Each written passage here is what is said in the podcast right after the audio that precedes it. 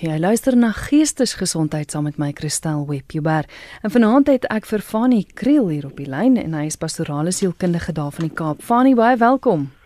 Baie dankie. Christel, is heerlik om vanaand saam met jou te kuier so na die cricketnuus. Ek hoop ons ons maak dit daar aan die ander kant. Ek hoor vir jou. nou Fanny is 'n absolute kenner oor vanaand se tema en ons praat bietjie oor die uitdagings onder die jeug, want nie net is hy pastorale sielkundige nie, maar Fanny, jy het self, ek dink jy het gesê 3 tieners in jou huis, né? Nee? Ja, tans het ek so 3 en 'n half jaar uitmekaar uit, het ek drie tieners, maar hulle is almal 3 en 'n half jaar uitmekaar uit, so. Dis baie naby op mekaar, so jy kan maar 'n bietjie vir my duime vashou. jy is welkom om saam te gesels daar by die huis, by die werk waar jy ook al is. Jy kan 'n SMS stuur na 34024 Dis 34024. Elke SMS gaan jou R1 kos of jy kan ook 'n e-pos stuur via ons webwerf rsg.co.za. Die nommer hier in die ateljee is 089 1104553. Nou Fanie, jy sal weet wat van die grootste uitdagings is. Wat is die struikelblokke wat vandag se jeug in die gesig staar? Ja, Christel, dit is ehm um, dit is eintlik so legio en dit is ek dink so groot tema waarna ons gaan kyk. Maar maar miskien moet ek net gou-gou begin deur ehm um, te verduidelik. Ek dink die grootste uitdaging is identiteit. Ehm um, wie is ek as 'n tiener? Dis die groot vraag waarmee klomp tieners te doen het. Ehm um, en en as ek miskien net vinnig dit uitmekaar het kan haal, ehm um, identiteit word tot en met die ouderdom van 30 word in drie fases ehm um, opgebou of ehm um, ek wil amper sê vorm dit.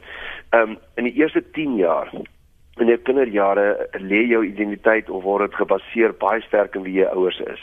Met ander woorde, ehm um, as pa brandweerman word, wil ek ook ehm um, gumboot sê of ek wil ook soos ma lyk. Like, en as ma en pa by 'n ou tannie gaan kuier of oom Ehm um, dit is gewoon ek ook saam gaan want ek wil ek wil daar wees. Ek wil die hele tyd by maand pas so hulle is met volle amper 100% identiteit. Dan spring ons gou-gou die tienerjare of die adolessensie dan ehm um, tussen die ouderdom van 20 en sê net maar 6 27 begin die persoon sy eie identiteit vorm. So sy of hy ehm um, sê vir homself maar Uh, dit is waarin glo dit is wat ek eendag wil word dis my beroep ehm um, dit is my seksualiteit uh, dit is hoe ek dink oor die land se situasie. So eie identiteit is teen daai stadium baie sterk gevorm al en sommige jong mense sukkel nog maar uh, dit is die punt.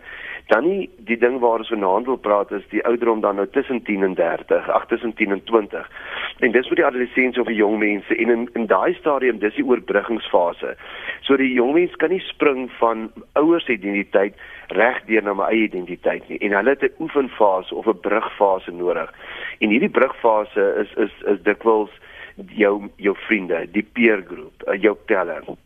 So alles gaan vir die tiener om in te skakel en om nie uit te staan in ten opsigte van hulle pelle nie. En daarom is konformiteit om te lyk soos my pelle en die, die laaste ding wat ek wil hê, ek wil net nie uitstaan nie. Ek wil net deel van die groep wees. En in hierdie fase, ehm um, gestel is daar nog 'n probleem vir die tiener wanneer sy of hy nou deel van hierdie groep wil vorm en dit is Ehm um, hulle sal hulle self al hoe meer op 'n afstand of 'n posisie 'n plaas teenoor hulle eie ouers. Want onthou nou net, sien nou jou seentjie sê op 3 jaar oud vir jou, um, mamma self eet, um, mamma self oor die pad loop en hulle trek hulle handjies uit ons hande uit. Dan is dit vir ons heeltemal aanvaarbaar. Ons sê nee, dis reg, die kind moet seker iewers self eet of oor die pad self te gaan loop.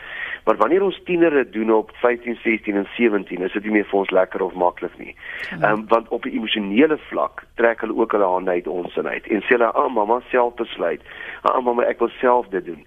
So wat nou begin gebeur is die tiener om daai identiteit in hulle peergroep te kan vorm, maar ook afstand te doen van hulle eerste 10 jaar van identiteit. Begin hulle afstand van jou af kry. So hulle gaan dikwels agter toe deure sit. Hulle gaan dikwels nie die aand saam die gesin wil geuit eet nie.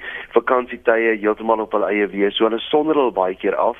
Um en dit self is vir die tiener ook nie altyd maklik nie want uh, hulle voel ook nou 'n bietjie afstand van hulle eie ouers af. Hulle bewerkstellig dit self, maar dit is nie altyd vir hulle so maklik nie. Hmm. En dan die laaste ding wat ek wil sê, um, goed soos Ehm um, wat ons bietjie later oor kan praat is uh, jy weet emosionele labiliteit. Met ander woorde, hulle emosies gaan verskriklik op en af. Ehm um, en dit is ook wat die Franse term vir tiener beteken is is maar labiliteit, is maar op en af gaan.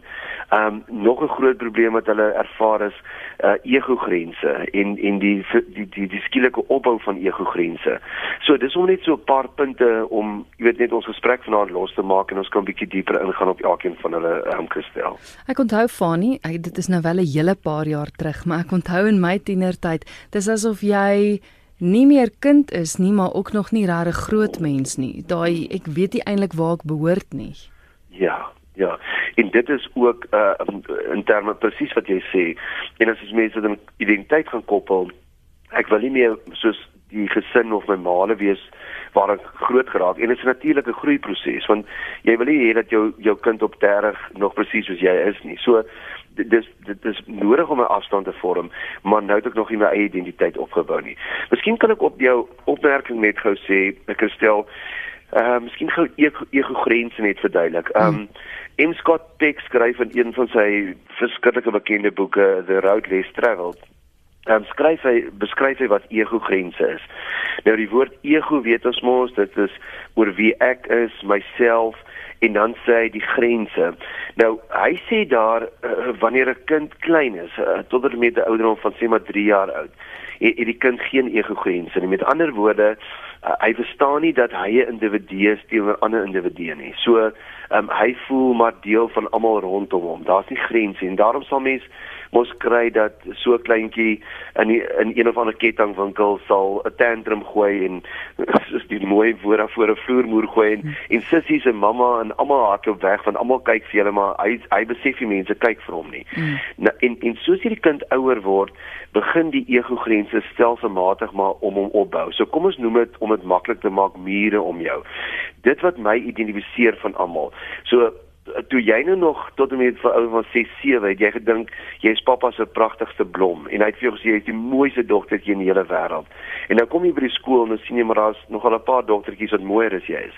Of mamma het gesê jy's my slimste seentjie wat daar is. En dan kom jy in die skool en daar's 'n paar ander kinders wat beter as jy doen. En nou begin jy 'n afstand vorm en besef maar ek is nie alleen op op hierdie aarde nie, daar's ander mense om my.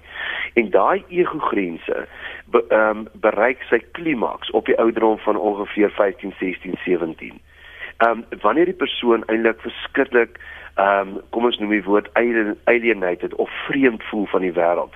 So hy beskou hom al hoe meer as 'n eilandjie of alleen tussen hierdie twee klomp kinders. So baie tieners kan terwyl hulle tussen 'n klomp maats is, kan hulle ongelooflik alleen wees.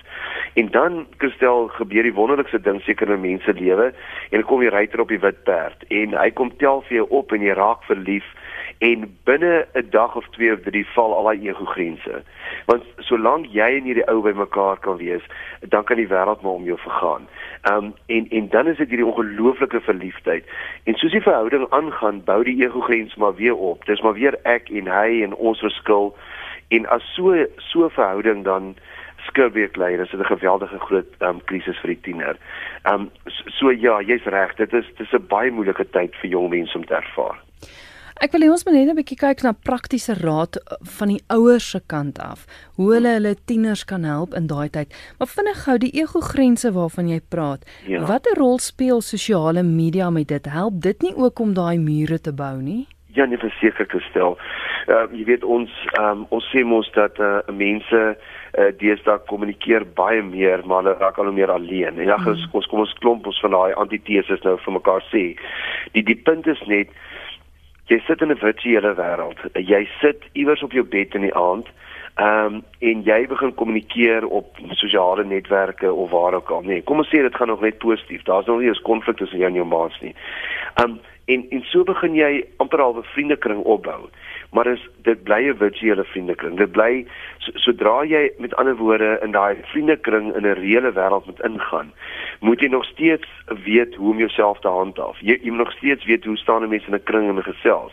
Uh, wat maak jy as as jy nie vir die partytjie genooi word of jy kom by die partytjie aan maar jy voel vreemd daar. Nou nou wat baie kinders doen is amper 'n valse idee van ehm um, ek ek is okay want hulle sit op 'n selfoon hulle hulle chat met 'n klomp mense rondom hulle en dit gee vir jou 'n soort van hierdie idee van ek behoort in 'n groep. Maar partykeer is dit net 'n witseele groep dat as jy op by ou en by 'n skool of iewers moet uitkom en in daai groep moet funksioneer het jy nie altyd die skills om dit te doen nie. So so jy's absoluut reg. Die ego grense word baie keer opgebou. Nou is dit moeilik ook want mense dan sê maar as jy antwoord nie om dan vir jou tieners te sê nee maar hulle kry eers op universiteit of waar ook al selfone. Dit is ons weet ons kan nie meer daai pad volg nie want ons kan nie weer teruggaan nie. Um, maar wat moeilik is hiervan is sny jy ook jou kind nou van sosiale netwerke af of hy hy sê mag hy self of mag hy WhatsApp of hulle mag op Instagram gaan nie. Dan is dit amper asof jy daai persoon so totale sosialiseringswêreld wegvat en hulle hulle raak half nog meer alleen.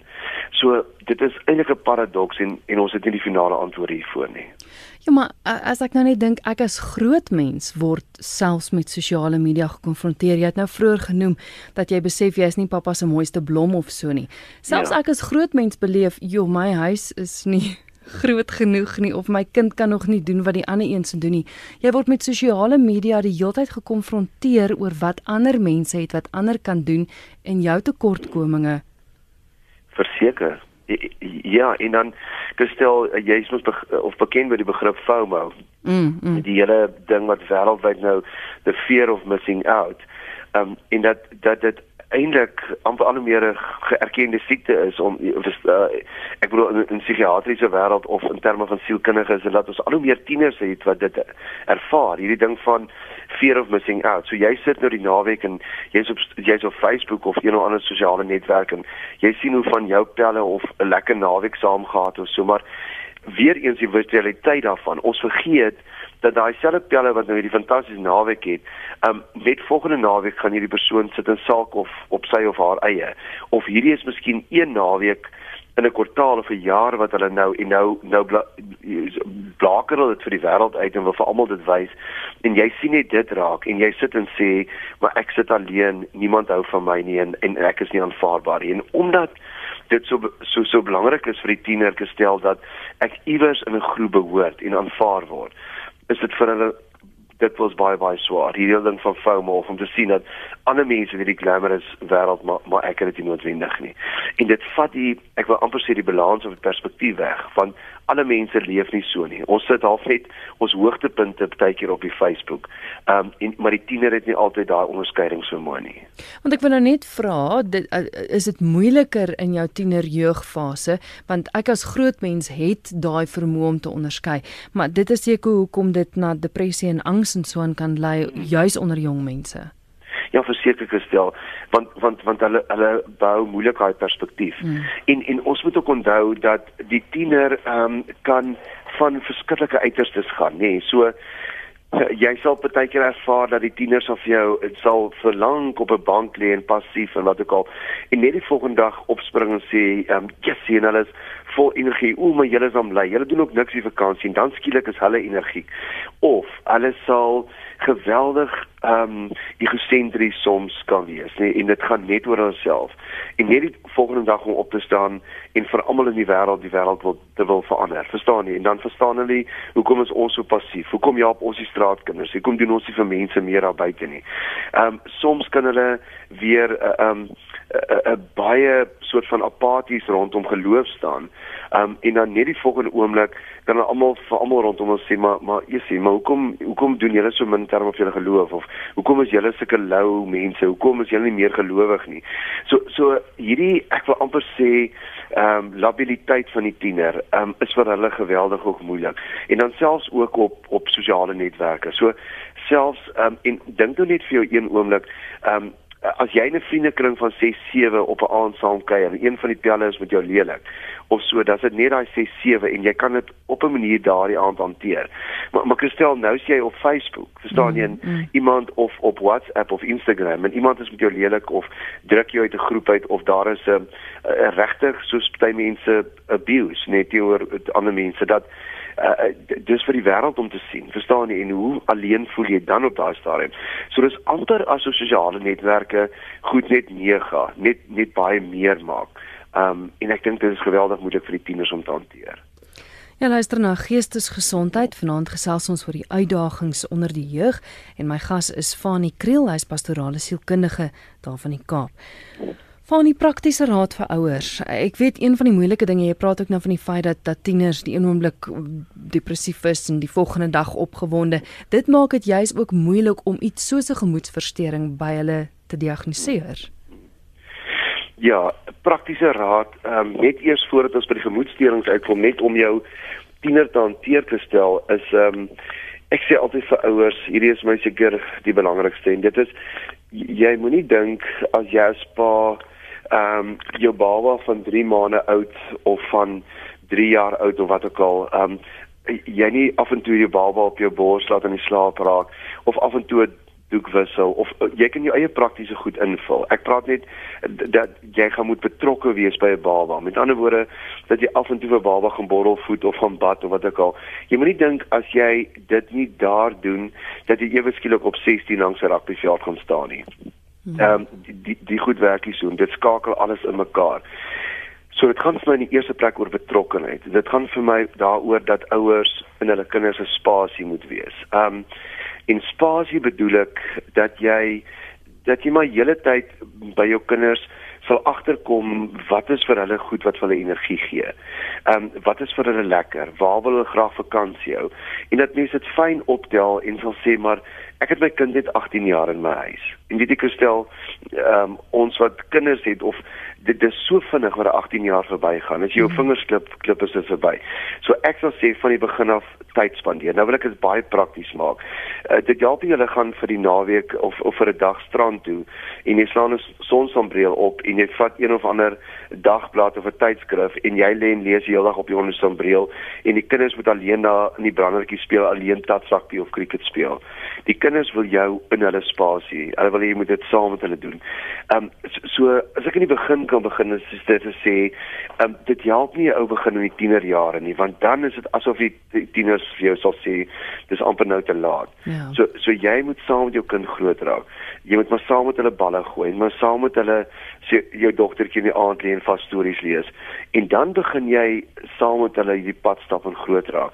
En dan begin jy baie 'n uh, eh, soort van verstaan onder hulle velle inkom, maar ons moenie verbaas wees as ons iewers bietjie tred verloor met ons tieners nie. Met ander woorde, daai wat hulle in hulle eie wêreld ingaan, daai dat hulle baie keer dinge vir hulle self hou en dan in hierdie identiteitsfase van 10 tot 20, Christel gaan hulle soms plaasvervangers van vir ouers kry. Met ander woorde, uh, ehm uh, um, die eerste span rugby kaptein gaan vir jou staan sê seentjie amper 'n uh, amper 'n uh, icon raak.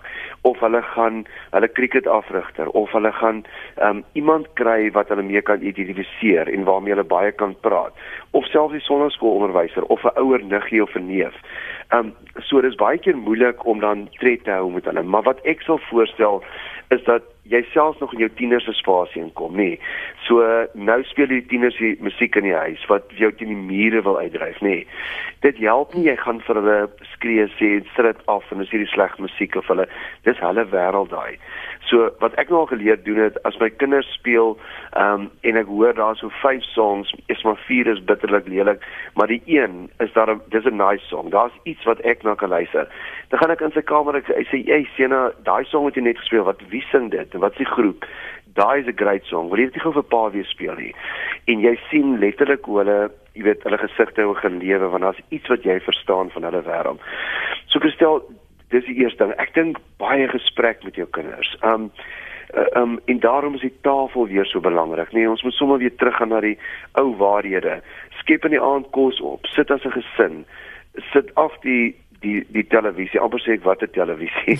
maar maar sit om 'n kombuistafel. Steek 'n vuurtjie op as jy uh, in die wintertyd. Um en begin gesels. Sodra kinders hulle ehm um, hulle hulle voete onder jou tafel sit, gaan jy sien dat raak die dag los. Hulle praat oor pouse tyd en oor hierdie een se ou en die kinders spot mekaar aan die tafel. Maar hulle raak familietyd. Jy so baie gesprek en dan gaan sit op jou kinder jou tiener se bed in die aande. Stap sommer in die kamer in en dan baie belangrik ehm um, privaatheid. So ek ek spring nou na die privaat, maar respekteer jou kinders se se privaatheid. Klop aan 'n deur voor jy ingaan, sê pappa wil gaan inkom. Gaan sit op die bed en sê net, "Ey, hoe was jou dag vandag?" En hoe gaan dit met daai pel van jou? Jy het lanklaas van hierdie vriendin vir jou gepraat. En en Christel, jy moet jy moet gesprek. Soms is hulle bot, gaan nie vir jou goed sê nie en los hulle dan maar om net heeltyd weet jy is daar vir as ouer. Dit klink vir my as jy moeilike tiener het, is dit eintlik meeste van die tyd jou eie skuld. Daar is uitsonderings ongelukkig gestel. Ek sê altyd goeie en liefdevolle en fantastiese ouers kan ook moeilike kinders hê. En hmm.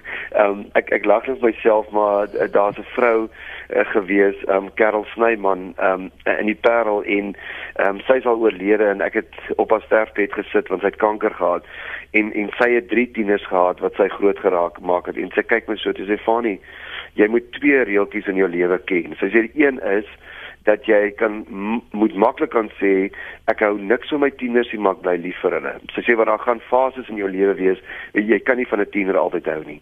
Sy sê so ek bly lief vir my tiener maar ek hou nie vol nie en sy sê die ander reeltjie wat jy vinnig moet leer is jy het pa se 'n toestemming maar jy het nie met goedkeuring nie.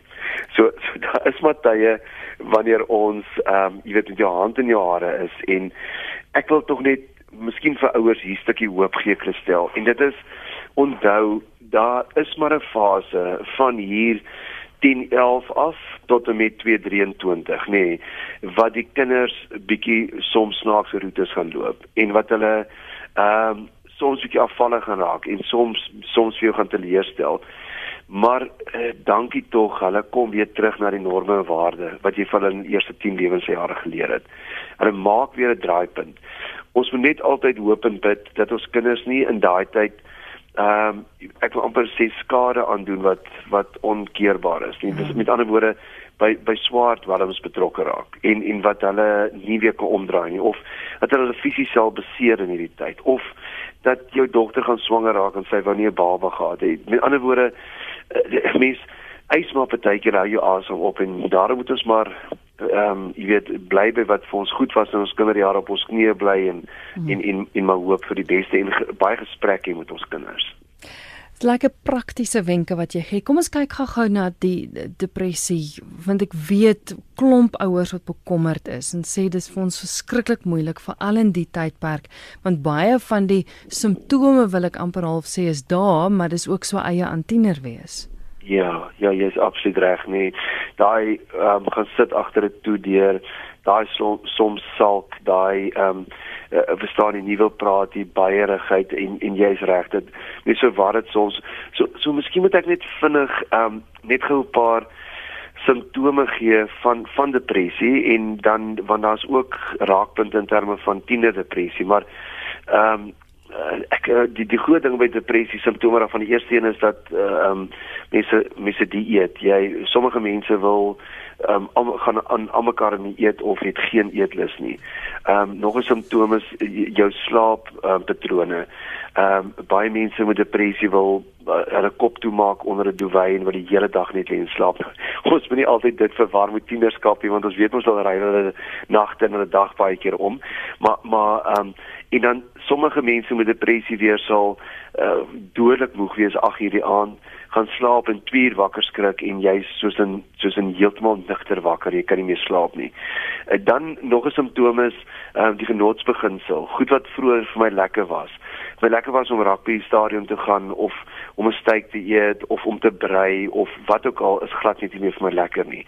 Um nog een is negatiewe denke dat 'n mens konstant negatief dink oor alles rondom jou. Um die ander een is skuldgevoelens. Jy is voortdurend skuldig oor alles of jy nou skuld het of iets nie iets aan iets jy jy het al voel altyd skuldig. Um la eie waarde. Met ander woorde ek um ek dink bitterlik min vir myself. Dan 'n gevoel van magteloosheid ek moet beplan om die toaster aan te sit. Ek moet dink om op te staan die oggend net om 'n stort in te kom. Ek ek voel magteloos. Ehm um, dan 'n la libido, ehm um, en 'n uh, en dan belangrik een gedagtes rondom die dood dat 'n mens baie dood in die koerante sien of van begrafnisse hoor of dat jy eintlik ingestel is op die dood en dan in die uiterste vorms ehm um, ook selfmoord. So dit is maar die simptome van depressie. Nou Ehm um, ons kry ook ehm um, ongelukkige depressie onder ons kinders. Ehm um, en en uh, um, ek dink Christel die goed waarvoor 'n mens moet uitkyk is ehm um, baie lang afsonderings. Met ander woorde wat jy weet meer is gewoonlik of ehm um, 'n skielike gedragsveranderings nê nee, met ander woorde hulle uh, wil nie meer sport gaan doen nie of hulle ehm um, stel glad nie meer belang in akademie nie of die lewe is net vir hulle swaar. Die genotsbeginsel is meer vir hulle lekker om saam pa op 'n Vrydag aand te gaan uit eet nie verstaan jy? Niks is meer vir hulle lekker nie. En ek ek dink dit is maar die soort van die goed en ons praat altyd van funksionering. Solank jou tiener nog funksioneer skool toe gaan aantrek, daai goed doen, maar as hy funksie, basiese funksionerings begin ingeperk raak, ek dink dan moet mens gaan hulp soek. Hier sê SMS wat deurgekom het van iemand wat sê ek is onseker of my tiener wel aan depressie ly, maar daar is 'n paar keer al gepraat oor die dood en dat hy um, hy nie meer reg die moeite werd sien of die die lewe as moeite werd sien nie. Hoe kan ek dit keer? Wat kan ek as ouer doen? OK. Gestel, ek wil net gou ons vat alle uh, sprake oor die, oor die dood en oor selfmoord, ag uh, ag selfmoord, selfdood. Dit is tog so mooi dat ons 'n ander woord vir daai aardige selfmoord gekry het. Maar maar selfdood, ehm um, mens vat dit altyd ernstig op, nê. Maar mm. ek wil ook vir die ouers sê om nie noodwendig nou vandag wakker te lê nie, want ehm um, jy weet mos ons kleintjies sal partykeer vir ons sê maar ek haat jou of ehm um, ek slat jou sommer dood of verstaan jy so uh, dis ook klein kindertjies nie. Hulle hulle, bes, hulle besef eintlik wat hulle sê nie en hulle heg ander waardes aan die goedes wat ons daar heg.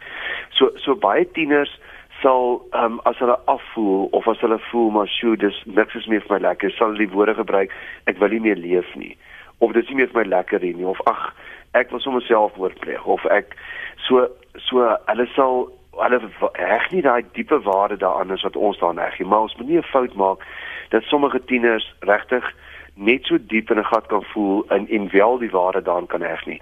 Ek sal dit dophou. Ek sal as dit meerendeels en dan van die ander simptome begin intree, ehm um, sal ek my kind gaan sit en en sê seun of uh, meisie uh, uh, uh, sis wat bedoel jy as jy dit sê? Sê gou vir my mamma, hoekom wil jy meer lief? Wat is vir jou so swaar?